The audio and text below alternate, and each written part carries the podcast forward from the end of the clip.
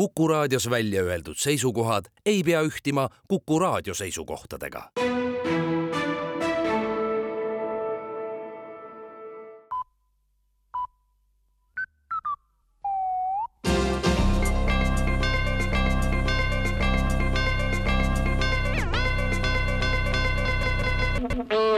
uudised on eetris ja stuudios Rohke Debelak valitsus annab teada, et on otsustanud pärast põhjalikke konsultatsioone anda pedagoogidele järele ja tõsta õpetajate palka. korralik haridus on valitsuse sõnul kogu riigi edu pant ja panustamine haridusse annab raskel ajal riigile kindlama seljataguse. eeskätt loobuti haridusvaldkonna kärbetest põhjusel, et tulevikus oleks riigis rohkem haritud inimesi, kes oleksid võimelised aru saama, et laiali saab jagada ainult seda raha, mis olemas on ja rahulolematust tulevaste raskete aegade üleelamisel oleks siis juba oluliselt vähem kui suurendada haridusele panustamist senisega võrreldes kolmsada korda, siis on kahekümne aasta pärast riigis inimesed juba nii targad, et materiaalne maailm neid enam ei huvitagi. Ja siis saab valitsus analüütikute sõnul eelarvekulusid vähendada sisuliselt nullini parlamendierakondade delegatsioonidega kohtusid eile riigi edasise arengustrateegia nõupidamisel, analüüsiti põhjalikult valitsuste vahetumiste mõju riigi arengule ja koordineeriti tegevuskava stabiilsema arengu tagamiseks.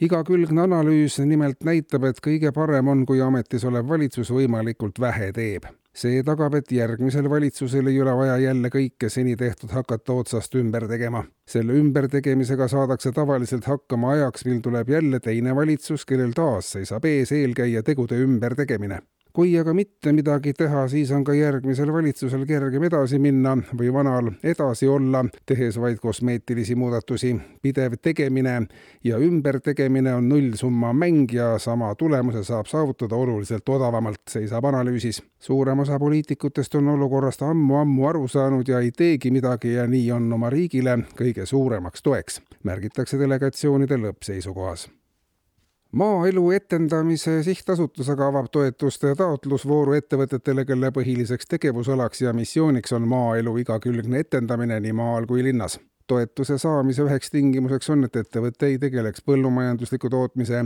metsanduse, kalanduse, jahinduse, turismi või mõne muu maaelu alla käiva ettevõtlusvormiga, vaid ainult etendaks seda Eestis kehtivad regulatsioonid, seadused, määrused ja aktid on reaalse maaelu keeruliseks muutnud ja maaelu etendamine on maaelu kui sellise mingisuguselgi kujul säilimise tõenäoliselt ainsaks teeks, märgitakse Maaeluministeeriumist ja majandusest. euro on dollari suhtes odavnemas ja inimestel on igapäevaselt üha suurem küsimus, millises varaklassis oma raha hoida ja riske hajutada.